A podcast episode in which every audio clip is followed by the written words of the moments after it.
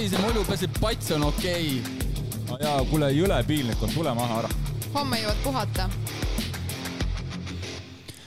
tere tulemast järjekordsesse Three Passion podcasti, minuga on stuudios siin äh, mind abistamas Vidrik Vaiksaar. tere ka minu poolt. tänaseks saatekülaliseks, tänane saatekülaline suurt tutvustust triatloni ringkonnas ei vaja. Äh, üks Maarjamaa kiiremaid triatleete läbi aastate, tere tulemast saatesse, Aleksander Laatin. Aitäh, tere. Äh, Aleksander, tänane treening tehtud või? no kui selle käruga jalutamine saab treeniks lugeda, siis küll. pika, pikalt, pikalt käru täna lükatud sai? poolteist tundi sihuke jah, aeroobses tsoonis. pärast seda oled juba nagu söönud ka või, kõht on täis? ikka ja valgujutt okay. väike läks sisse. tuju on hea, okei vanad kombed ikka jah aga alustame, ma arvan, legendaarsete küsimustega, et eh, sinu noortesport, eh, mis, mis sind spordi juurde tõi ja kuidas sa sattusid triatloni juurde? sa oled Narvast pärit? just nii jah, et eh, võib-olla alustaks täitsa lapsepõlvest, et ma olen nii-öelda suurest perest ja mu esimene konkurent oli mu vanem vend, kellega ja. me kogu aeg kas võidu jooksime või Vladimir. just, jah ja samas isa oli hästi sportlik ja ajas kogu aeg neid spordijuttu, kuidas ta on äh, oblasti koondises laagrites käinud äh, rattasõidus ja kuidas see nõukakoondis oli tugev, kui nendest mööda sõitis. ja no selles äh, keskkonnas ma olen nii-öelda hästi sportlikus ja sellises nagu konkurentsirikastes olen üles kasvanud. palju teil peres lapsi oli? neli.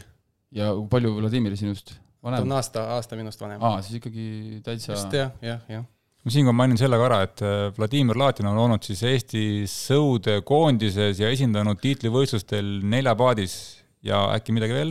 ja ta on see Pekingi olümpia kaheksas mees ja tal on Euroopa katel ka hõbemedal tuua. No,, et äh, võiks äh, leppida, et ikka ma olen selle spordi, tippspordi konteksti talle nagu kaotanud. Okay..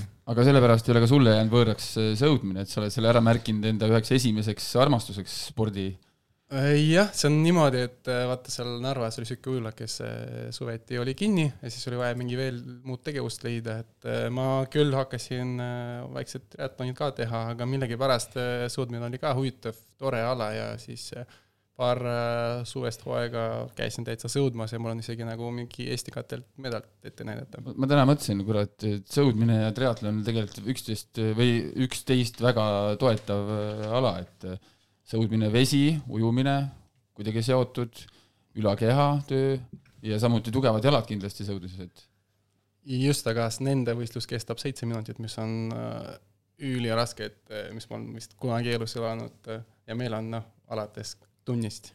aga, aga ma mõtlen just noorena, et see on niisugune ettevalmistavaks nagu ütleme, tulevaseks triatleediks tegelikult üsna hea põhja no,. jah, jah, see on tegelikult väga hea alu, ma olen väga austanud seda, et jah, ja raske ka ja kuidas sa jõudsid triatloni juurde? Äh, sellega on niisugune huvitav lugu, et meil äh, isegi Narvas oli väikseid aktivistid, kes tegid äh, kohaliku võistluse ja see oli niimoodi, et kaks venda, üks korraldaja, tal oli ainuke punane üks koonus, kes ta vaata pani vahepeal, okei okay,, siin on see vahetusala lõpp, siin on see vahetusala algus ja samas oli see koonus tagasipööre Narva-Jõesus ja see on nüüd see esimene triatlon, mida sina loed siis enda esimeseks võistluseks? täpselt, et äh, nagu aast-, no ma olen sellest kuulnud äh, mitu aastat järjest, aga kuidagi aega ei olnud või nagu ei sobinud, siis üks aasta mõtlesin, et, et okei okay,, no võiks seda läbida ja no huvi oli väga suur selle vastu.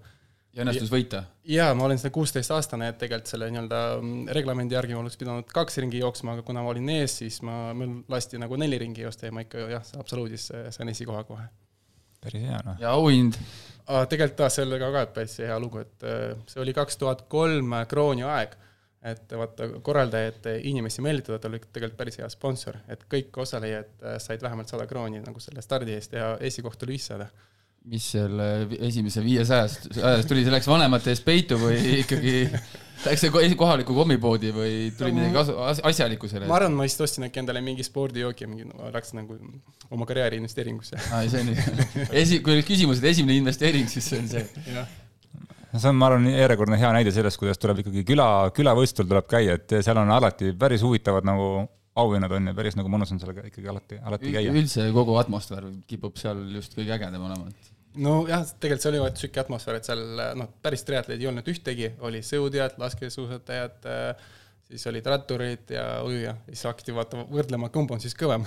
ma käisin äh, aasta aega tagasi käisin Narvas, oli, on see äkke keskus ja mulle üllatuslikult äh, silma jäi, et seal on lasketiir, ehk siis nagu peatloni lasketiir.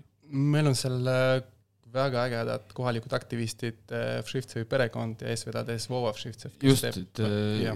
Me läksime sinna täitsa juhuslikult trenni tegema ja tema oli kohe meil, võttis nööbist kinni ja küsis, mis mehed olete, et Tallinnast tulid ratast sõitma, et et ja kohe ütles, et kus on parimad, kus on parimad hüpped, kus on parimad rajad, mida tasub kindlasti proovida, et väga-väga kihvt, jah. ja ma arvan, et XO mehed, kes sõidavad seda maastikuratast, tunnevad Narva rada väga hästi. ei, see, see oli väga-väga kihvt, et nii, nii mõnegi tropi pidi vahele, et ma, ja noh, enamus ja aga ega tegelikult ei ole ka ju Voka siin, triatloni sünnilinn ei ole ka Narvast väga kaugel ju. jah, see on kolmkümmend viis kiltsi umbes. no kolmkümmend viis kilomeetrit, no see on ju rattaga sõita. ja, ja tegelikult äh, mul ka esimene klubi oli Voka spordiklubi või triatloniklubi, ma ei mäleta täpselt, kuidas see nime oli, aga sealt ma sain oma esimesed rattakingad ja sellele järgi ma pidin ikka rattaga minema. okei okay., aga räägi veel oma niisugustest võib-olla esimestest, ma ei tea, võib-olla kas või mingit varustustest või veel mingisugusest võistlustest, kus niisugused esimene hooaeg, esimene kaks, kaks, kaks hooaega veel, oli see üldse nagu keeruline saada seda varustust kokku ja ja kellega sa üldse treenisid ja kuidas sa seda üldse nagu teadmisi said, et kuidas üldse, üldse, üldse nagu treenida? no just tegelikult äh, tollal äh, internet oli küll, aga vist võib-olla, ma ei tea, ise ei osanud infot leida või ma nagu väga palju netist ei lugenud sellist alast, mul kogu see nii-öelda taustainfo oli, mis ma olen nii-öelda kulujuttudest saanud, et keegi kuskil saunas räägis, et vist triatlonis on tulesõit nüüd lubatud, saab tulest kenasti panna ja ma kindlasti ei ole seda kontrollinud, kui ma läksin Estikat reisima seal. ja ma olen väga üllatunud, et nagu tuli kohtunik, kui ma õigesti mäletan, võib-olla oli see Robert Pallas või mitte Robert, aga selle isa, isa Lembit Pallas. ja hakkas mulle punase lippega lehv-, lehvitama, kui ma haarisokku tules sõitsin siis äh, võistluse ajal sain aru, et tegelikult see ei olnud keelatud tegevus Äh, muud naljakad palad, et vaata, esimene võistlus mul oli selline, et ma ei teadnud üldse, mis oodata, kuidas ennast riietuda, siis ma tegin nii-öelda korralikku ümberriietust, ma ujusin ujukatega, siis panin äh, rattapüksid, rattamaikad ja sellega ma jooksin ka lõpuni. ja see kogu vahetusala, ma võttiski mingi kaks-kolm mintsa, siis äh, järgmisel külavõistlusel ma olin juba nii kogenud, ma ütlesin, ah, panen ujukatega edasi, mul eks ülakeha ei olnud kaetud mm.. sama mõttega ma läksin estikatele, ma ütlesin, noh milleks nagu raha, mitte raha, aga seda aega kulutada riitumisele. ja vahetusalas tuli samamoodi nagu kohe kohtunik ette, kuule, kuhu sa lähed välja, et, et peaks mm. kaetud olema. sina läksid siis ujukates ratta peale või? jaa, mul olid sellised äh, lillakad äh, liibukad ja naljakad, et jah. praegu sellega... oma vaimu silmas kujutan seda no selle vea olen isegi mina ära teinud, et äh, kunagi ammu-ammu mingi Saku triatlonil liigelt palav ilm oli ja tõmbasin selle ülemise topi lihtsalt maha endale ja jooksin palju ülakehaga, aga noh, seal kõik, ma ei tea, pigistasid silma kinni see aasta, öeldi, et hea küll, noor poiss niikuinii siin kohta ei saanud, et vahet pole noh. aga jaa. pigistati silm selle koha pealt kinni, et mõlemal olid ülakehad olid piisavalt head, et kellelgi silma ei reibanud. aa, ma ei, mis asja see oli, mingi kolmeteistaastase poisi ülakeha, mis seal vaadata on. aga see kaks tuhat kolm, Priit, sa olid ju vist äh, päris tasemel juba, jah? ootab äh,, mäletad seda võistlust? jaa, ma olin, äh, ma arvan, et ma olin kolmas üldis olümpias, distantsis, võis olla küll, jah aga ma mäletan sind esimest korda äh, Auras, kui äh, treener Miša tuli äh,, ütles, et näe, kuule, et siin on üks Aleksander, et ta otsib mingi treeninggruppe või mingi treeningsõpru endale. Ja siis ma vaatasin, et normaalne, et davai, et teeme siis midagi, et aga meil kuidagi nagu ei klappinud need ajad ja asjad vist, et me nagu midagi tegime, aga midagi me ei sa-, nagu ei sattunud ja mingid trennid vist tegime koos rattaga. ma täpselt ei mäleta jah, aga siis seal, siis selle klapp oli selle grilliga natuke parem vist, et siis no selle tegelikult Äh, ongi kooli ajal ma sain selle alaga tuttavaks ja sain aru, et ma tahaks äh, väga seda edaspidi teha ja ülikooli astudes mul oli selge plaan ees, et ma tahaks vähemalt anda sellele alale võimaluse, et ma teeks äh, nii-öelda tõsiselt paar aastat ja vaatame, mis sellest välja tuleb. ja mul täitsa jopas, et jah, Kirill astus sama erialale ja meil ongi need ajakavad läksid väga hästi ja saime sealt mm. koos leidsin endale suurepärase treeningpartneri mm.. sinuga oli jah, ma arvan, paar korda käisime koos ujumas, aga jah, see just kuidagi, noh, rattaga sõitsime ka, aga ei. ei klappinud jah ja. ja.. see oli siis Tartus jah? just, jah. Tartus jah juba. mitu, kolm, kolm aastat või? Äh, kokku ma olin seal neli aastat elanud. ja õppisid sa mida? Äh, keskkonnatehnoloogiat. on, on täna, täna sellest äh, tol hetkel õpitust ka mingi, mingi kuidagi seos nagu öö... tänase tööga või, või tegemistega? no vaata, iga firma nüüd öö, otsib endale mingi sustainable development öö, lahendust ja see nagu roheline on hästi cool ja et loomulikult jah. tagantjärgi võib öelda, et öö, oli, oli kasulik ja kindla-, kindlasti, ma arvan, see haridus on igatpidi, mis iganes, väga kasulik, jah. kaua sul läks aega, et sa jõudsid, ütleme siis Eestis, ütleme siis kuskile sinna juba nagu poodiumite kanti, mingi paari aastaga minu arust olid juba päris nagu okei okay, ju? No isegi vähem tegelikult aastaga, et esimene, sama esimene kursus, kui me Tartus hakkasin natuke rohkem trenni tegema ja nagu konkreetse kava järgi, mis tookord oli Kirilli oma küll, aga mulle sobis ka väga hästi, siis esimese võistlusega ma mäletan, see oli sama Otepää Eesti karikaetapp esimene, et äh, ma sain, äh, tookord oli see staar äh, Birmin Tamm mm, -hmm. sain kohe temast mööda, sain esikoha. et see oli nagu jah, et sihuke jah, pauk mm. -hmm siis ma vaatasin, et siis me käisime siin paar aastat hiljem, kaks tuhat kuus käisime juba tudengite MM-il ka, Lausanne'is käisime. ja seal oli juba tegelikult juba täitsa nagu ma üldse ei mäleta, kuidas mul seal läks, me tegelikult olime päris suure tiimiga seal väljas, me olime ju neljakesi seal äkki või? sina, mina, Kirill, Ingemar ja Ragnar. viiekesi, viiekesi, jah. ja Ragnar Paju oli ka veel. jah. Kruusla. oi, Kruuslas oli ka Ragnar, jaa, see on, jah aga minu arust umbes sealtmaalt edasi enam mina sinna, sind enam väga, enam väga ei näinud, sest et äh, sa juba hakkasid kuskil mujal käima juba suurematel võistlustel minu arust. jah, et äh, peale seda hooaega mu mind äh, kutsus jutule Jüri Käen, ütles, et ta on mind nagu natukene jälginud ja pakkus mulle, et hakkab mulle kavasid edaspidi tegema ja ma hea meelega võtsin seda vastu. ja võtsime suunda nii-öelda olümpiadistantsi.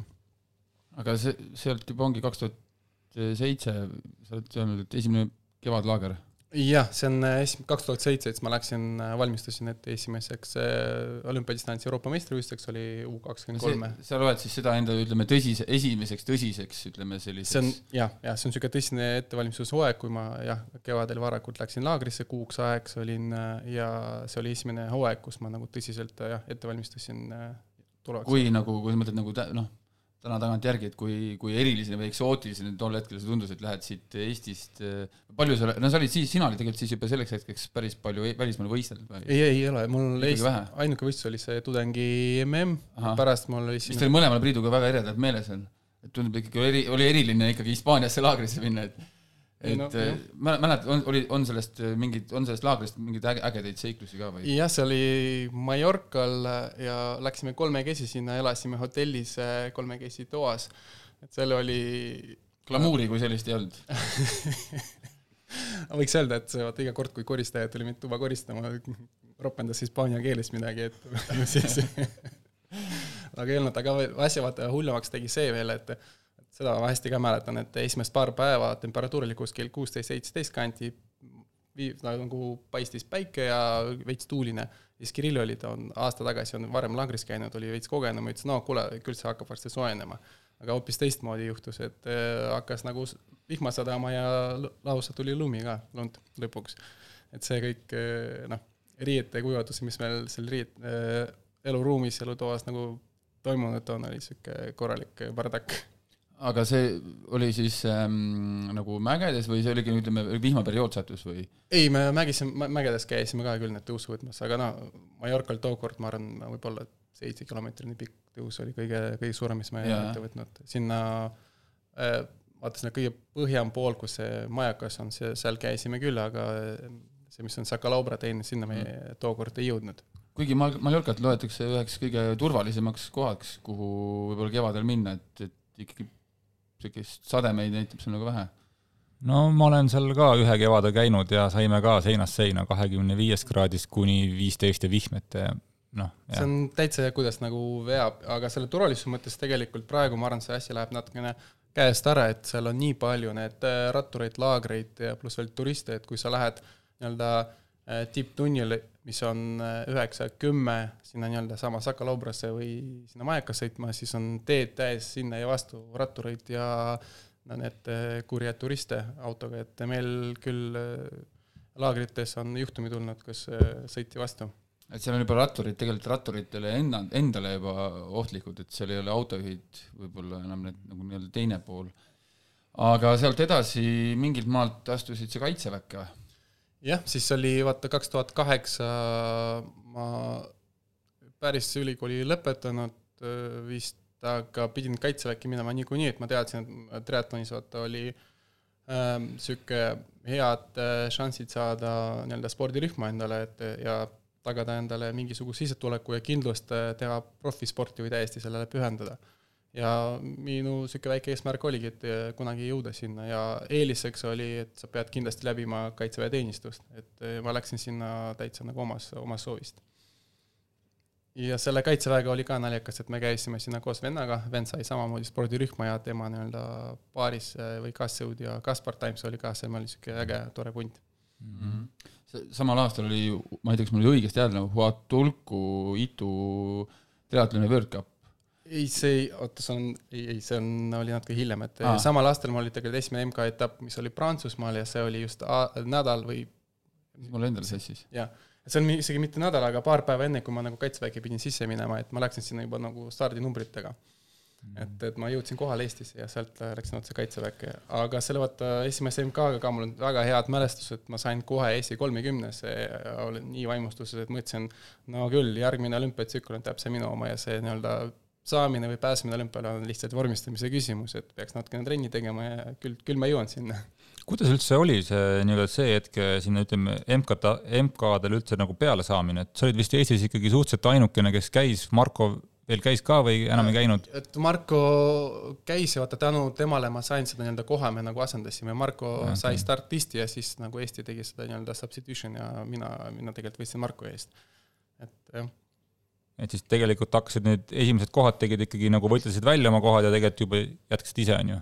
jah, et ja edasi juhtus see, et meil kaks tuhat üheksa hooaeg, et ma olen äh, võhma täis, tahtmist täis, et ma tean, ongi ainuke, mis vaja teha, natuke rohkem trenni pingutada et mul hea oli kõik need näidised ees, et seesama Marko, kes just käis, tuli olümpialt, ma olen temaga päris pikalt trenni teinud, et mul oli enam-vähem selge, mis on vaja teha selleks, et selle tasemele jõuda.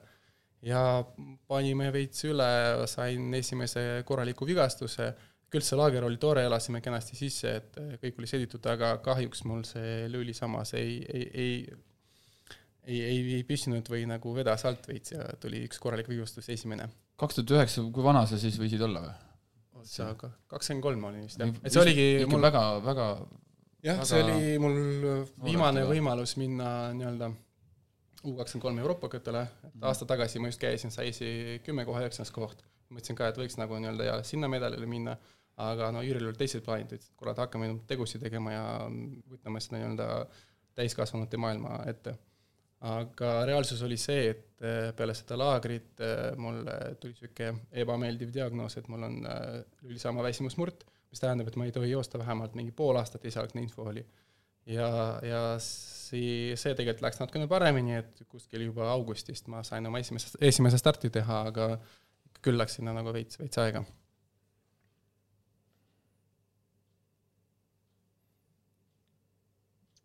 Jah. Äh, äh, seal, sul oli, äh, sa ennem tõid välja selle, et Markoga pidite jagama, et kes ähm, millisele võistluse peale saab, mis see, mis see põhjus oli, kas see oli ranking'u järgi kuidagi või? no tegelikult ei, väga ei pidanud, sest juhtus see, et Markol oli see äh, Pekingi olümpiamängu tsükkel jäi viimaseks, et algul ta mm küll mõtles, võttis vaheaasta ja mõtles, et, et võib-olla prooviks veel, aga sellesama vigastustervist tõttu ta ikka võttis otsuse ja läks täitsa pika, täispikale distantsile. Ja just tekkis see vaakumi olukord, et ma äh, tema ranking hakkas nagu drastiliselt kukkuma, kui see ei võistle ja sa oled, ta oli juba sellest esisajast äh, väljaspool ja minu ranking oli olematu ja mul hakkasid need probleemid täitsa nagu lihtsalt stardile peale saamisega. et äh, kuna see kaks tuhat üheksa oli see olümpiavahehooaeg, kus on just hea neid punkte korjada, oma positsiooni rankingus parandada, et järgmiseks olümpiakvalifikatsioonis sa oled nagu äh, Äh, üsna hea tasemel, et sa saad äh, starte valida, kuhu ette valmistuda ja kuidas oma üldse olümpia ettevalmistust üles ehitada. et mul kahjuks sellist äh, nii-öelda privileegi ei olnud, sest mul kaks tuhat üheksa hooaeg lõppes kurnalt nagu vigastusega. aga sellega sul väga kaua ei läinud, tegelikult kaks tuhat kümme sa juba tegid jällegi juba nagu tulemusi, kaks tuhat üksteist ka, et eh, jep, ja aga kahjuks nagu jälle õigele või selle, tulemusi oli küll, aga need õiged stardid, kust neid võiks teha, kust võiks punktide kogu, koguda, ma lihtsalt peale ei saanudki. ja oli veits nagu nukker vaadata, et ma samal ajal käisin Saksamaal Bundesligas võistlemas sama vendadega, panin neile koti pähe ja nemad mhm. läksid edasi MK-etapile või maailmasarja võistluse karusselli ja mina olen kuskil jälle Bundesligas või tegin muud võistlusi, jah mm. -hmm. ja millal see lõpuks siis muutus? Äh, päriselt muutus see alles äh, kaks tuhat viisteist, kus ma sain lõpuks äh, top seitsekümne viie rankingusse, sain igale poole, kus tahtsin saada. aga sellega läks ikka aega. sa oled kaks tuhat üksteist aastal toonud välja Rotani Ameerika kapi üheksanda koha, minul küsimus see, et Ameerika olümpiadistants, kui populaarne, ütleme, Ameerika atleetide seas olümpia, olümpiadistants oli või, või on täna? Ei no ikka on see, vaata see it-. et eurooplasi on nagu palju, et ka, et, et, et ameeriklased samamoodi, see distants on nende jaoks. kui ma õigesti mäletan, äh, ikkagi Rioks äh, Ameerika oli üks ühest kohast, ühest riikidest, kellel oli kolm kohta olümpiale, mis tähendab, et ta oli nagu väga tugev rankingus, ainult kaheksa riiki saavad endale lubada kolm nii, nii suure riigi ja, peale ja, kolm ja, kohta, on ju, et mm -hmm. et selle see sise, sisekliima võis ka või päris, päris huvitav olla. Äh, samal aastal sa oled kahel võistlusel äh, saanud äh, mitte lõpetada äh, Lausanne'i sprindis ujumises. see oli tegelikult valus ka, et mul algusest peale start läks jube hästi, et ma sain eesi, eesipundiga nagu eest minema ja ma nägin esimest poodi, ma olen esimeste seas, ma ütlesin, noh, sprindis on see eriti oluline, et nagu ma ütlesin, just tuleb see nüüd hea, hea võimalus nagu seda ära realiseerida. aga mis tegelikult juhtus, see, et ma äh, keegi lõi mind paar korda mm, tagantjärgi ja uputas, et ma ei saanud korralikku õhku kätte. ja kuni jooksurajani ma ei saanud seda hetke nagu hingamist taastada ja kui ma läksin jooksma, ma olen täitsa nagu paanikas ja katkestasin, aga mis pärast juhtus, oli see, et see tegelikult katkestamistunne on nii, niivõrd nagu valusam kui see nii-öelda kannatamine rajal, et sellest oli väga hea õppetund, et ei, ei maksa katkestada, pigem teed, mis sinust on ja muidugi jah, kuskil maal on piir, et päris, päris eluohtu ka seada ei tasu, aga, aga samal aastal veel Aucklandis äh, õnnetus. see oli ka jälle sihuke, noh, ma lausa nutsin tegelikult, et see oli mu eluvõimalus äh, parandada oma rankingut ja teha asjad korda, et samamoodi ujumis oli suurepärane ja vaata ujumisel meil on niimoodi, tuhat viissada meetrit ujud kaks ringi tavaliselt, esimene kord, kui sa saad vaadata, kus kohas sa asud, on peale esimest ringit tuled välja, nimetatakse Australian exit ja saad vaadata, kus teised on. ja siis ma mäletan väga hästi, ma jooksen pantooni peale, näen seal mingi kolm-neli venda on ees ujuvad, mis tähendab, et ma olen nagu päris ees. ja kõik läks nagu väga hästi ja teine, teine võimalus oli, et äh, jooksed vahetusala sisse ja näed, seal vahetusala on rattaid veel täis, et see tähendab jälle, sa oled esimestega seas kõik nagu. ja esimest paar ringi me saime väikse pundiga eest ära minna väga korralik äh, raske rattaraja profiil oli, äh, vahe suutsime hoida ja siis äh, üks väga tubli austraallane vend lihtsalt sõitis mind nii-öelda väravas sisse otsa ja ma kukkusin niimoodi, et mul see karbonraam läks täitsa nagu pooleks see pisar silmas ei olnudki mitte see, et eh, ratas läks katki või kukkumine läks nii valusam, vaid lihtsalt see tegemata jäänud eh, tulemus, see panus, see, see, see nähtud vaev, et see ei saanudki tegelikult tol päeval tasu. jah, ja et selleks nagu ongi, ma läksin varakult Austraaliasse, tegin kõik trennid, kõik sujus suurepäraselt, eh, nädal enne starti ka viitas kõigile, et ma suudan oma jooksu ära teha. Ja vaata, meil olümpiadistants tihtipeale sinust väga palju ei sõltu, kuidas see nii-öelda võistlusdünaamika hakkab arenema ja just tol ajal see kõik oli nagu minu kasuks, väike punt, me olime ees, et, et oligi, mul jooksuaeg see oli, et ei tea, mis tulemus seal võiks tulla, aga midagi head küll saaks sealt, võiks oodata. tulles selle, korra selle Lausanne'i selle ujumise laksu juurde tagasi, noh kindlasti kõik, kõik inimesed, kes on triatloni teinud, teavad, mis siis massstardis ujumine on äh,. ujumises laksud sisse saada, ega see meeldiv ei ole, et ma ütlen, et kui sa nüüd ujumises said nii kõvasti pihta, sa ratta sõitsid ära no vot, see on aga pigem lihtsalt see hingamine või, või see, see enesetunne ei taastunud siis jooksuks? seal nagu tagantjärgi küll lõia nagu uputas korraks ja hoidis mind vee peal. Ja no esimese laksuga tegelikult oli kaks laksu, esimest laksu ma sain kenasti rahulikult võtsin, jõudsin seda momenti, ootasin, kuidas ma saaks välja tulla, kui välja tulles tuli teine laks kohe peale ja siis nagu, siis saab, selle hingamistega hakkasid tõsised probleemid ja siis tekkis paanika, ma läksin üles ja hakkasin nagu konna ujuma, aga on keset seda suurt pundi, kuna ma mainisin, ma olen ees pigem, kõik hakkasid minust üle ujuma, et see oli tegelikult no mm. väga ebameeldiv.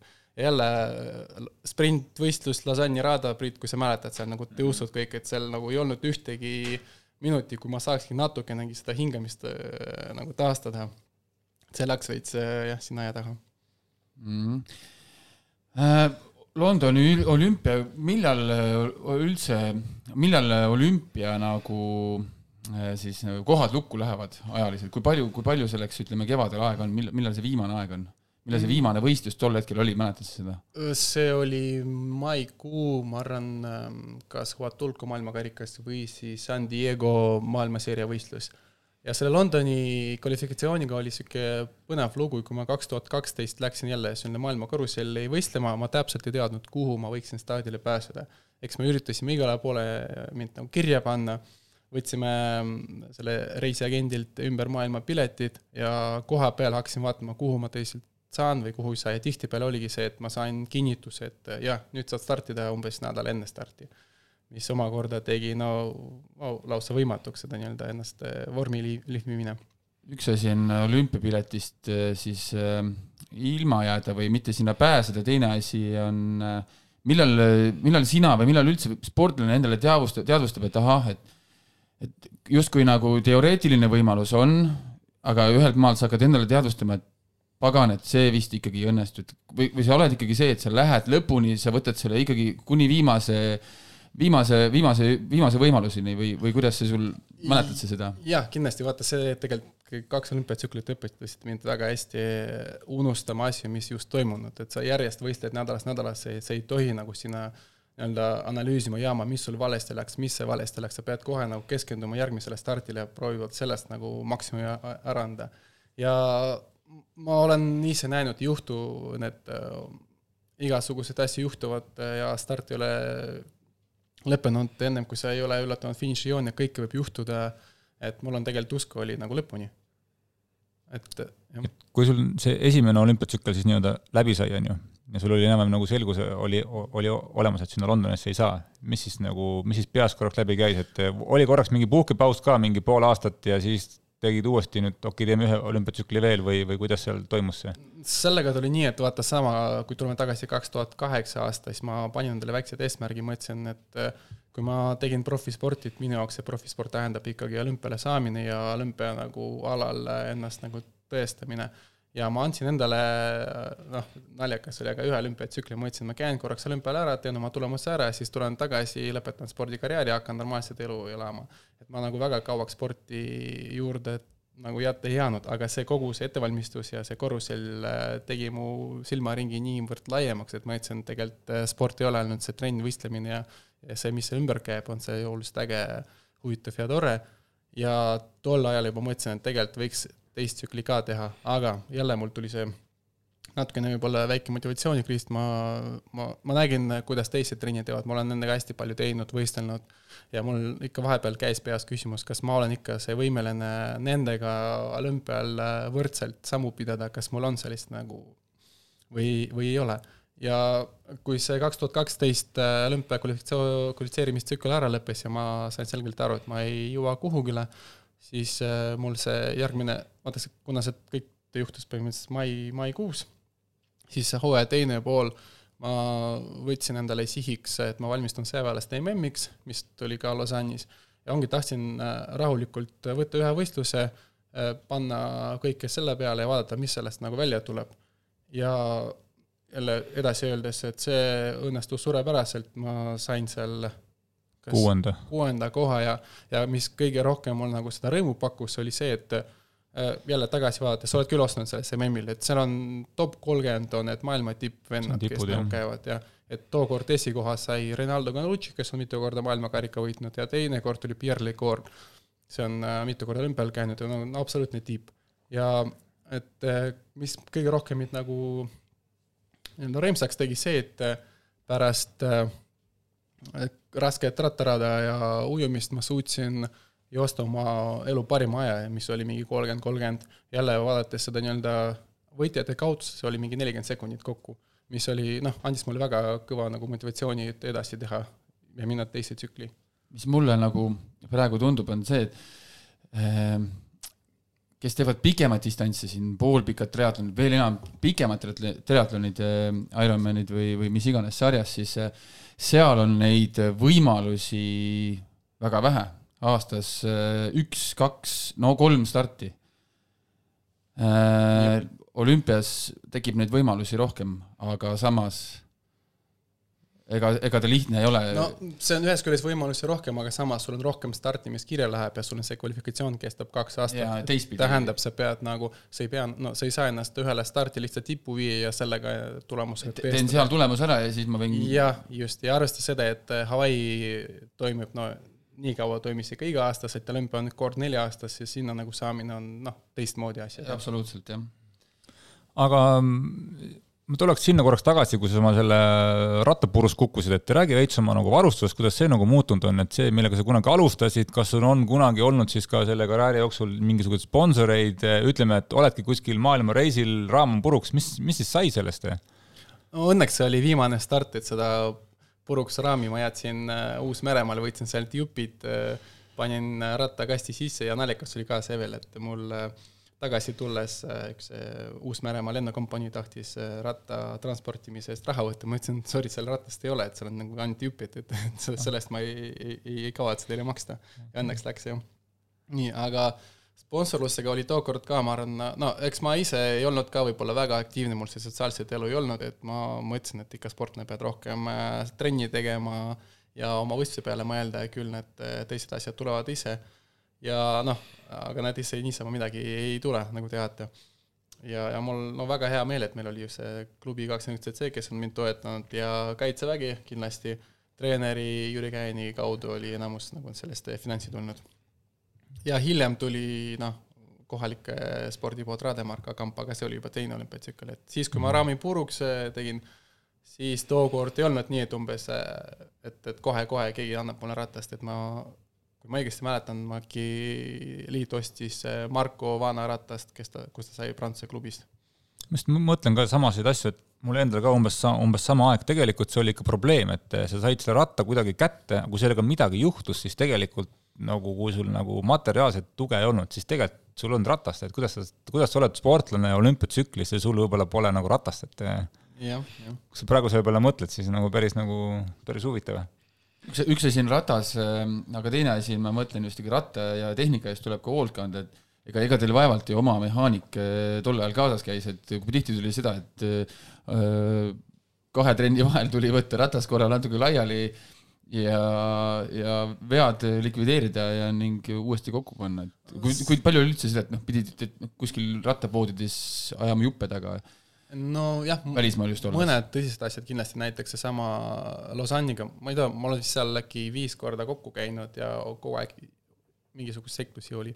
tudengi MM-il, kui sa mäletad, mul see raam läks puruks mm. korraks, aga ma suutsin sellega ikka noh, sõita, et ta, ta oli sõidetav ratas, et tal natukene läks, aga ei olnud midagi äh,. siis, kui ma sprindivõistlusel käisin, avastasin, mul äh, transportimisel rattakahvel läks katki, seda ka ma koha peal tegin ja klaarisin ära et äh, tõsiseid asju, no ikka vahest tuleb äh, asju ajada, aga õnneks samamoodi, kui sa laagrisse lähed kuhugi üles äh, trenni tegema või võistlustel, siis on mingi kohalikud, kes aitavad sind natukene, leiavad kontakti või viivad õige inimestega kokku ja Neid, neid häid inimesi ikkagi jagub ei no õnneks sul oli ju treeningpartner Kirill Kotšegarov, kes just eh, jah, rääkis meile siin, et tal on ikka jõhker nagu ratta nagu fanatt ja ma arvan, ta hea meelega võttis ratta ette ja võttis lahti, pani tagasi kokku tagasi. sa vaatasid, et Laadinil jooksis ratas laiali, oi, tal oli käsi kokku, et nüüd no saab jälle oma hobiga tegeleda. ja, ja kui ta jah, laagrites kindlasti ta nagu need teised asjad, Kirill eh, oskas äh, minust paremini küll lahendada. talle meeldis käia näputülised. aga seda, seda nagu ohtu polnud, et, et grill keeras mingid asjad maha ja pärast tagasi ei keeranud ja ütles ei, ei, päris sellist olnud. oh aga..., kuule, sul on päris head käiguvahet, et kuule, ma tõstaks kõik ümber pärast. või siis salaja just ei, sellist mingid äh, läksid äh, Mäkke ainult üks käik oli. ärkasid hommikul üles, vaatasid roosa lenksu, lenksupaar on, kes selle pani, ei tea. aga tegelikult teine naljakas lugu selle varustusega oligi nii, et seesama Roatani võistlus, mis sa ütlesid, kaks tuhat üksteist oli jaanuaris et ma läksin sinna Ameerikasse ja ma võtsin või just vahetasin uued äh, nii-öelda rattamantlid või need väliskummid. Ja tookord mõtlesin, mis selle uute väliskummidega võib juhtuda, et äh, milleks mul seda varuks äh, teist vaja ja ma kaasa ei võtnud midagi ja juhtus see, et kaks päeva, päev enne võistlust trennis mul ratta tagakumm läks nii katki, et see välismantel sai ka kannatada ja korraldaja ütles, et neil mehaanik peaks kohe-kohe jõudma päev enne starti, aga tookord juhtus torm ja see laev ei jõudnud kohale. ja siis ma jooksin seal kohal keset nagu muud harrastajad, kes seal samal ajal võistlesid ja kellelgi lihtsalt laenasin äh, vana treeningrehvi ja sellega nagu sain võistelda ja aga see võistluse starti saamine oli kindlasti ohumäär, ohu all ja pani jälle mulle hea õppetundi, et äh, minimaalsed asjad peaks kaasas olema. jube nauditavad on sellised enne starti saad veel rehve otsida või lohvi või pumpa, et nagu see, see on, see on tõesti nauditav tegevus aga ma mõtlen jah, et sa tegelikult oled ju lõpuks sellega juba ära, ära harjunud, kus ikkagi nagu aastaid ikka enamasti ju reisisid üksinda, võistlesid üksinda, olid ise mehaanik, massöör, toitumisspetsialist, terapeut seda..., psühholoog, kõik asjad olid ühes, et. räägi, kui, kui toitumisspetsialist sa olid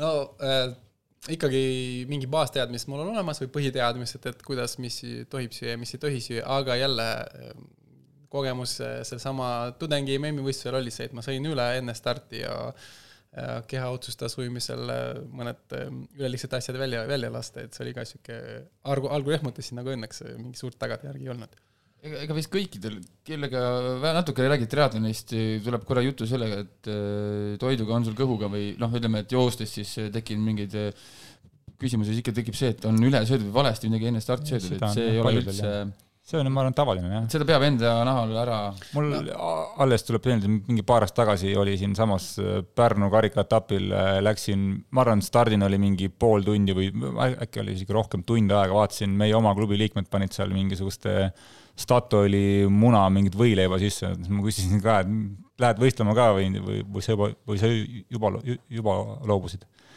aga siis ta ikkagi läks võistlema ja noh, pärast muidugi ütles mulle, et jah, aitäh, et ütlesid.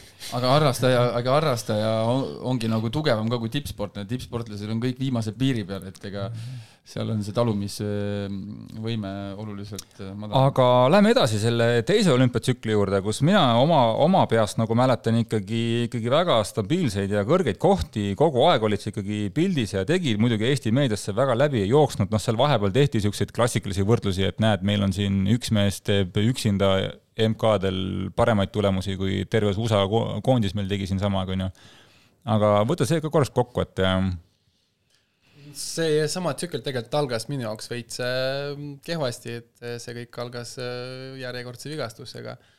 seekord oli see kannakõõlus ja jälle kaks tuhat kolmteist aasta olümpiavaheaasta ma olin karkude peal. ja osa kaks tuhat neliteist tuli taastumine et sellega on ka niisugune lugu, et ma ei tea, kui kellel oli see kannakõlu vigastus, ta on niisugune väga petlik ja vastik vigastus, et keegi ei oska sulle täpselt öelda, kui, kui katkine sa oled ja kaua aega sul see võib taastumine võtta. ja mis minu puhul oli ka väga nagu problemaatiline, et keegi täpselt ei osanud mulle õiget diagnoosi panna. et äh, ma olen siin Eestis igat tippspetsialisti käinud arvamust küsimas, pilte teinud ja keegi sealt väga suurt probleemi ei näinud, no sul natukene põletikus, paistes natukene vedelikku, aga midagi tõsist ei ole, et võime küll lõigata, aga ei, ei oska garanteerida, et kas sa, garanteerida, kas see läheb paremaks või ei lähe. ja no selle mõttega ma küll nagu lõikusele minna ei, ei plaaninud, aga küll jälle sellesama tänu oma treenerile me saime kontakti Soome spetsialistidega see Sakari Orava, kes mm. lõikas nii Markot kui David Beckhamit, Gabriel Selassit ja muud tegelasi ja temal oli kohe nagu vastus meile olemas ja õnneks ma sain sellest jamast lahti. Aga jälle, temagi ütles mulle, et see vigastuse taastamine võibki võtta alates kuuest nädalast kuni kuus kuud ja mul, ma arvan, läks äkki kokku üheksa kuud. mis selle, mis selle konkreetse vigastuseks võib-olla peamisi ajendeid on? Priidu käest võib-olla ootaks seda vastust isegi. et miks see vigastus juhtub või? ja miks ta, miks see on nagu peamine, millest selline seal on nagu enamasti need faktorid palju, seal on niisugune multi nagu vigastus öeldakse selle kohta, et seal võib olla puhtalt no, kõige lihtsam, et lihtsalt on nagu ülejäänud koormus, on ju, et kas seda koormust oli mingi lühikesel aja nagu jooksul liiga palju, oli see liiga intensiivne, jooksujalatsid, biomehaanika, kõik see muud asjad nagu võib-olla üldine stress, toitumine, no seal on nii palju neid nagu faktoreid ja oota, minu puhul oli see, et nagu kestas no,, algas võib-olla veel kaks tuhat kaksteist ja ta oli selline, et nagu vahest valutab, vahest ei valuta, hommikul natukene kangem, teise hommik ei ole ja see ka tegi mul nagu, pani valed otsused tegema ja ma pikendasin hooaega, mis ma ei pidanud tegema. et, et ja jälle ma ei suutnud ise hingata, hinnata, kui, kui tõsine see on, et tegelikult väljaspoolt ka keegi täpselt ei osanud mulle öelda, et nüüd sa pead Eesti kindlasti puhkama ja hakkama seda raiuma. ma ise mõtlesin, lõpetan hooaega rahulikult, siis tuleb klassikalised kaks kergemat nädalat, ma ei tee midagi, siis kuu aega ka veel tiksun natukene, siis läheb üle ja puhk, puhkamisega ja jätkame edasi mm., aga enamasti ongi niisugune lootus, et noh, natukene piisab ja sellest, see oli kaks tuhat viisteist siis? ei, see oli kaks tuhat kolmteist, neliteist. neliteist oli see taastumine, jah. Mhm. tegelikult kui ma, kui ma ütleme nagu mingite videode pealt või piltide pealt mäletan, siis tegelikult see jooksutehnika ei olnud kõige nagu, kõige halvem, et tegelikult oli hästi hea, keriv, ökonoom, tegelikult mõttes, et nagu ei oleks küll mingit vihjet, et sealt peaks mingi kannakõluse vigastus tulema, et mul see kõrge pööd, ma ei tea, kas sellest võib olla tingitud või, või muudest, no samamoodi ma siiamaani ei tea, kus see toimus, miks see toimus, miks selle jala peal just, et, et selgelt vastust ma jään, jään, jään võlgu. Mm. Aga kindlasti see nagu jälle tekitas mulle väga palju peadvalu, et olles profisportlasena ja sa ei saa joosta või sa ei jookse korralikult, no kaks hooaega põhimõtteliselt, see ikka nagu peast teeb asju ka natukene keeruliseks. oli see siis see periood ka, kui sa käisid seal Saksas vist palju laagrites ja, ja võib-olla tekib see mingi ratta, rattavorm äkki paranes see hooaeg mingid ajad, sest ma mäletan äh, mingisuguseid Eestikaid, kus ikkagi te grilliga kahekesi tegelikult ikkagi tegite, tegite puhta vuugi siin, mitu aastat järjest ikka kord üks, kord teine ja kui ennem oli kuidagi niimoodi, et sa okei okay,, olid väga hea ujuja, aga sind ikkagi saadi kätte, siis mingi hetk sind enam ei saadud kätte. et ja siis ma vaatasin ka, et okei okay,, nüüd ta hakkas veel sõitma ka, et, et noh, jooks on tal niikuinii hea.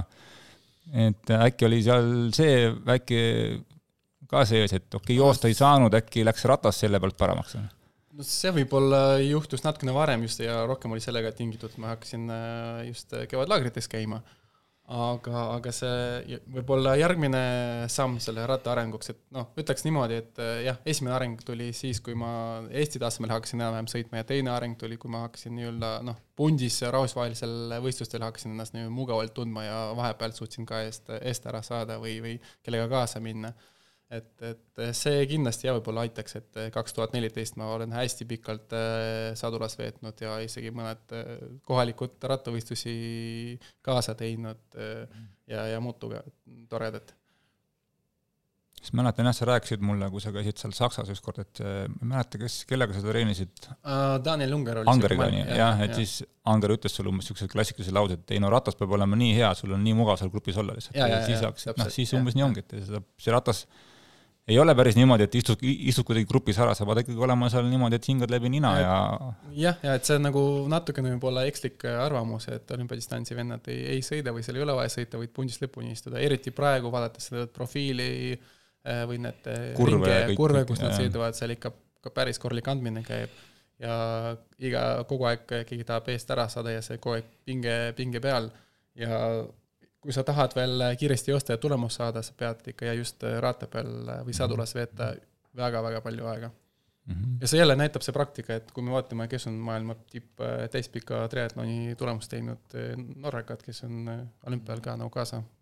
kui siin mõnda sellist olümpiadistantsi äh, rattasõitu vaadata kõrvalt, siis äh, ega ta väga palju kriteeriumile alla ei jää, et selline korralik, äh, korralik vunk on üleval, kurvid, tehniline tõusud, positsioonivõitlus, loomulikult jah, et siin päris finišit mine te, tegema ei minda, aga sellise üksteise vastu ikkagi noh, oma tugevust minnakse näitama, et ja, seal... kellegi huvi ei ole seal üks, ühel hetkel kõik koos nüüd vahetusalasse jõuda ja, ja lähme nüüd koos rõõmsasti jooksma. no jälle võin natukene eksida, aga kui ma õigesti mäletan, äh, näiteks see üldse, vaata see võistlusdünaamika on ka muutunud iga aasta olümpiatsüklist äh, teise ja järjest läheb nagu sellist agressiivsemaks ja ja mu üks esimestest maailmasarja võistlust oli Jaapanis äh, kaks tuhat äkki üheksa, ma sain sinna ka umbes wildcard'iga või kuidagi, et äh, oli vaja starti täida, ei, ei viitsinud sinna nagu tookord minna. ja ma mäletan, võitis äh, Jan Frodeno, kes sai kahe teise sakslasega eest ära sõita ja piisas, et ta jooksis kolmkümmend kolm mintse ja ta sai mingi kaks mintse keeduratta, rattasõidus. ja edasi sellest peale Londonit Rioks või Riost, mis on see järgmine, Tokyost oli mm, -hmm et ma ei mäletaks väga hästi, et, et keegi laseks nii kaugele kedagi rattasõidu ajal, et sest see noh, need vendi, kes äh, oskavad joosta ja oskavad rattas sõita, on veel nii palju, see ta-, tase on ka äh, niivõrd ühtlaseks läinud ja tugevaks, et, et äh, nüüd on jah minu arust jah, Pekingi olümpial lasti need kaks meest nelikümmend sekki äkki lasti või tea, jah, nagu jah. kõik ja see ka kohe sa- saadi kätte, et äh, Mhm. ja isegi praegu, kui sul kuskilt keegi ke,, kellelegi õnnestub eest ära saada, et see, et sa lõpuks jooksed kolmkümmend kolm mintsa selle, noh, sa oledki top kakskümmend. Võib-olla ilmestuseks, et kui võtta, ütleme keskmine, noh, sõltuvalt muidugi raja profiilist, et äh, olümpiadistantsil seal kru- ähm,, äh, tuulessõiduga triatlonis, mis on rattal selline no ütleme, ümmargune keskmine kiirus? noh, ilmestamaks, et mis see, mis see, ütleme siis no see on julgelt üle neljakümne kindlasti, nelikümmend kaks, nelikümmend kolm tuleb umbes selline, sellist. aga ütleme, see ei ole ju siledal. ei, see on, ongi isegi võib-olla siledal, aga see on hästi palju kurve tagasipöördeid eriti, et äh, tavaliselt äh, klassikaline ituvõistluse rada on kaheksa ringi linnas, ehk siis iga ring on viis kiltsa. kas äh, sa jõudsid triatloni juurde tegelikult üsna varakult, läksid sealt ju sprindile olümpia, sealt edasi, kas sina tundsid ennast rattarajal kohe üsna mugavalt, et kui Ei, ei. välismaale läksid ei, ei, kindlasti ikkagi ma- sõitsid tihti tuule käes, välismaal küsid, kuule, tule nüüd varju või? jah, ja et ma no nägin vaeva isegi tules püssida ja oli raske ja läks sa vaja, võttis ikkagi harjumist, et ei kindlasti, kindlasti jah, jah. aga lõpuks, kui sa jõuad, ütleme siin äh, enda, noh, me ei saa, me jõuame veel sinna, kas karjäär on läbi, aga aga viimaste aastate juurde, siis äh, kuidas sa seal nagu tundsid ennast, ütleme, kui sa läksid starti, olid sa vanarahu ise või sa ikkagi oma peas äh, eelmine õhtu juba, juhtus seda tihti, et eelmine õhtu tegid võistluse läbi? oi ma arvan, sellist võib-olla pole kunagi juhtuks, et ma olen ikka sihuke rahulikum tüüp, et mul on õnneks närvidega vist kõik korras ja ma saan pinget äh, suht, suht hästi taluda. aga see, vaata, kui sa nii palju võistled, sul on, lähedki sinna karusselli ja sul on kuus-seitse võistlust järjest, et sa suhtud natukene juba teistmoodi, et sul on äh, esimene kord, kui sa kergeks närvi lähed, on see briefing kaks päeva enne starti ja teine kord, kui sa närvi lähed kergelt, siis kui sa, sind kutsutakse pantoonile. ei ole olnud aega, sa ongi aga see on sellepärast, et keegi ütleb sinu nime või lihtsalt, et no äärm, nüüd on vaja minna ma ei tea, kas olete näinud kuskil ülekandes, sihuke äge muusika käib ja sihuke, et, et ikka läheb sisse, et see on, see on, pulss tõuseb paarkümmend lööki kohe, ma arvan., aga huvitav oli ka see, et kus nii, kui sa pantoonile jõuad, valid endale koha, vaatad mingi tuttav nägu, teeb paar nalja ja siis nagu sihuke jälle asi läheb natuke rahulikumaks. räägiks mulle kui võhi, võhikule seda ka. olümpiadistantsil tullakse vahel veest välja. just, see on äh, kas see on nüüd alati nii või see on mingitel võistlustel, miks see nii on? Ma ütleks, et mida, mida üritatakse selle, sellega saavutada? no see võib-olla tõstab natuke atraktiivsust, et äh, pealtvaatajad saavad ka vahest näha, siis äh, sportlastele on ka, see on väga mugav, et sa saad vahepeal prillid natukene sättida, üle vaadata, kus, kus sa nagu asud. ja, ja vahelduseks ka vahest on väga raske tegelikult nagu ujuda ära, sa pead äh, päris mitukümmend meetrit joosta, hüppad vette ja pead uuesti ujuma, sul on nagu kogu veri õlgades, siis sa lähed jooksed, ega seal ka keegi ei kõnni, ikka täiega joostakse. ja siis hüppad vette ja hakkad uuesti ujuma, esimesed äh, paarkümmend meetrit jälle noh, suht raske, aga äge. aga selle väljatulemisega meenub seal mõni äge seik ka, et ma olen siin mõnda võistlust oma silmaga näinud, siis äh, kus seal korraldajad on suutnud nii teha, et tagumised ujumised, ujujad alles ujuvad alt läbi, ülemised juba hüppavad neile praktiliselt selga, et on, on, on mingid, noh, ma ei taha nüüd siukseid päris fataalseid, Ei, ärme nendest räägi, aga mõni äge, äge oli seiklus., oli küll, et äh, keegi kellelegi nagu selga hüpanud, see vahest juhtub, et sest on no, nad tihedasti, nii tihedasti koos tulevad mm. -hmm. nagu ma ei tea, mingisugused pingviinid, kes tulevad äh, merelt tagasi sinna maale ja no küll meile võib olla naljakalt vaadata, aga seal sees olla ei ole nii naljakas, aga see, kui kõik, kogu mass jõuab sinna kohale, hakkab kõik välja tulema, see on niisugune, tekib klassikaline bottleneck, eks see mahub äh, viis inimest korraga, sul on mingi kakskümmend, kolmkümmend viis, viis tulevad ja igaüks üritab ette, ette trügida, see on niisugune omaette ka. teine ei, ei, mitu korda on stardipantoon vee alla läinud sul? No seal äh, MK-etappidel vist seda väga tihti juhtunud, aga kuskil oli vaata ah,, Lätis või Leedus meil Leedus oli, ja, ja, ja seda et see oli huvitav jah, läksime pantooni peale, mida, mida, mida rohkem läksime, seda rohkem olime, olime vee all lõpuks.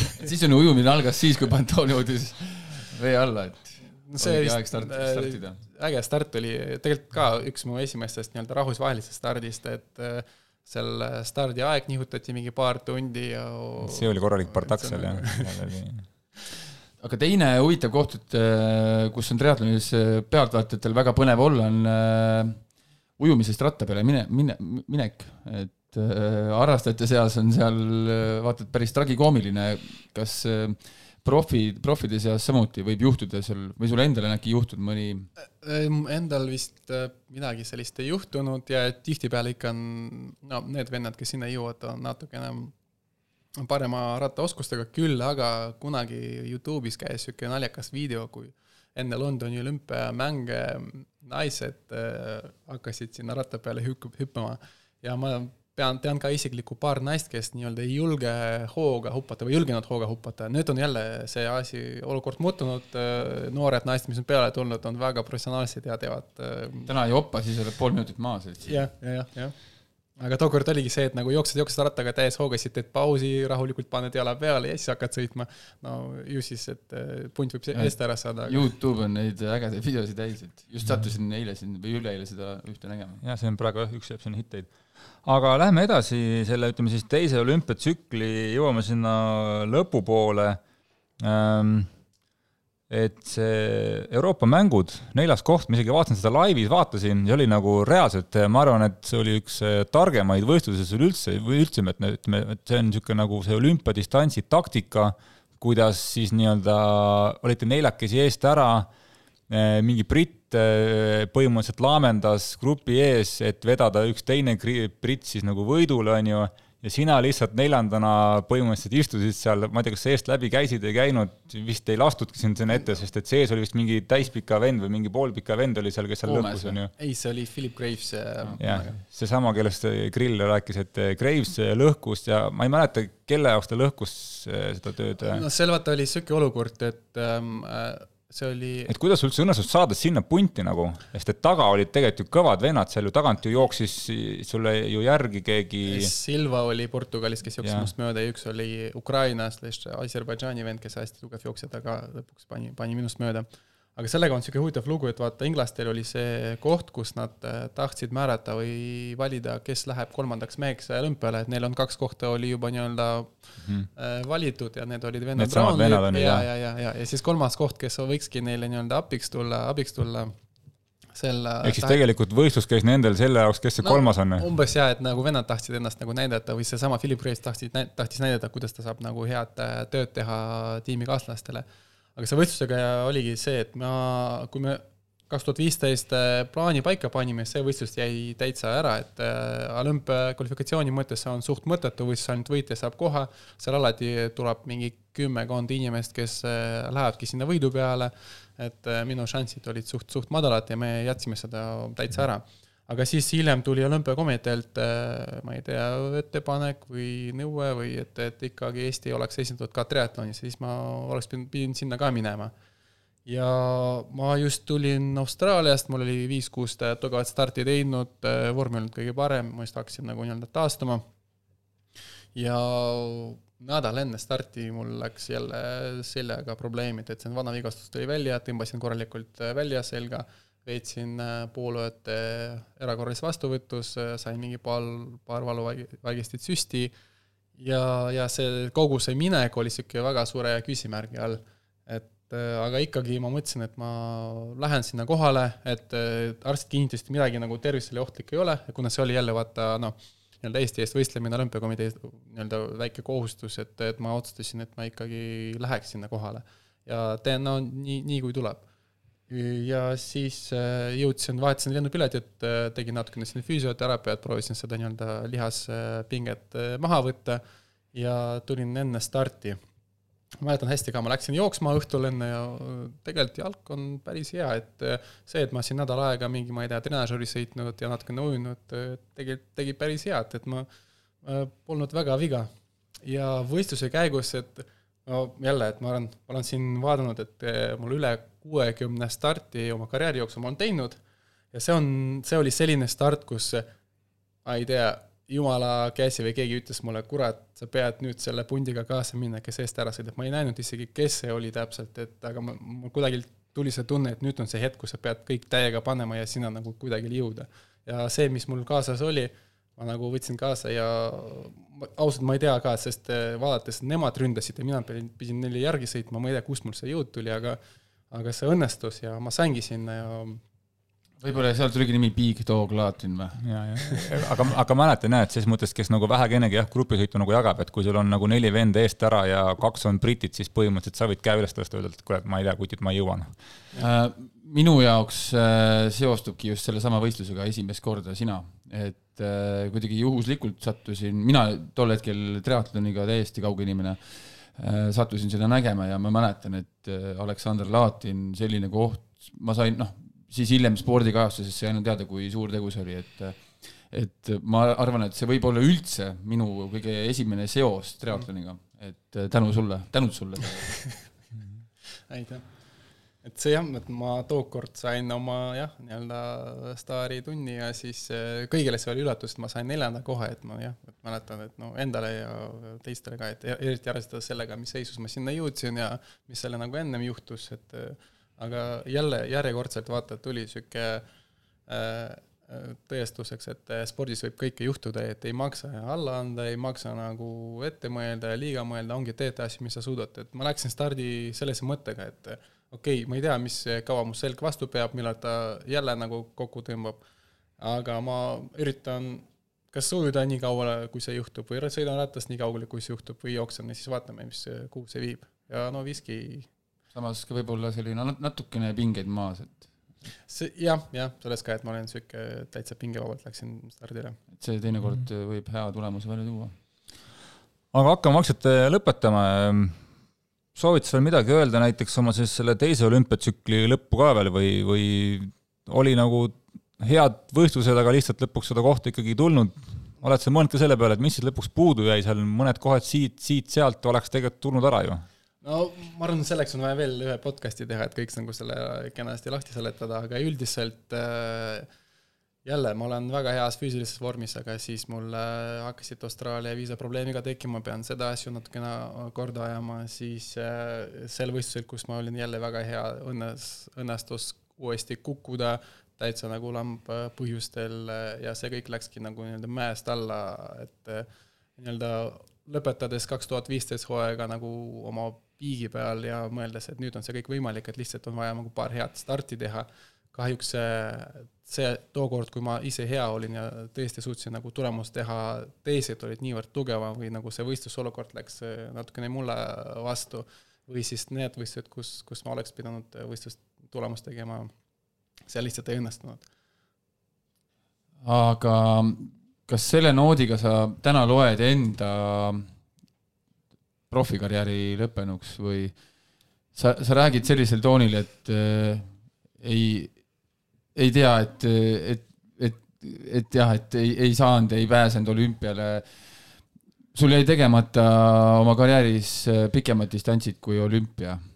jep, et tegelikult peale seda vaata mm, viimast tsükli, äh, mis on see Rio ja et äh, Jüri pakkus mulle teeme äkki veel ühe tsükli aga ma hakkasin natukene mm, teise nurga all mm, vaatama, et ma olen nüüd, äh, tookord ma sain kolmkümmend umbes, et äh, ja mul oli valida, kas ma jään äh, nii-öelda eluaegselt sportlaseks või treeneriks või ongi sean oma elu ainult spordiga või ma proovin midagi muud.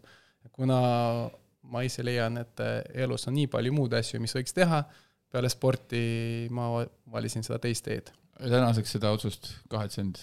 ei, absoluutselt mitte et.... ja te-, ja tegelikult me ju teame, et ega sa ei ole triatlonist ju kaugeks jäänud, et sind seovad omad.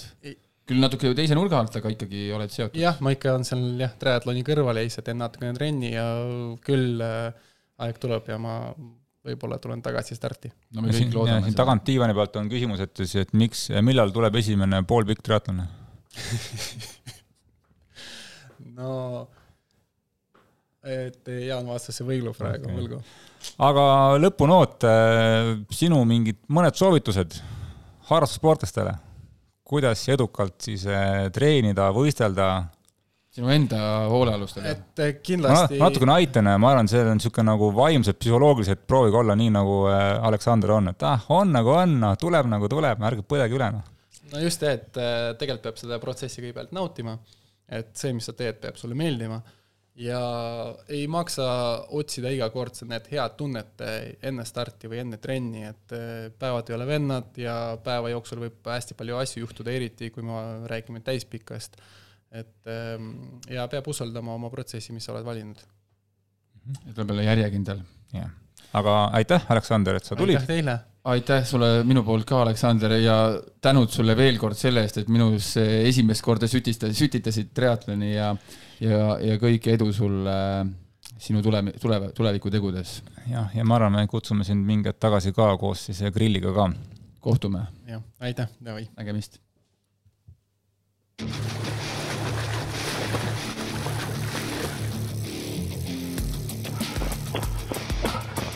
Savise mulju peseb pats on okei okay.. no jaa, kuule, jõle piinlik on, tule maha ära. homme jõuad puhata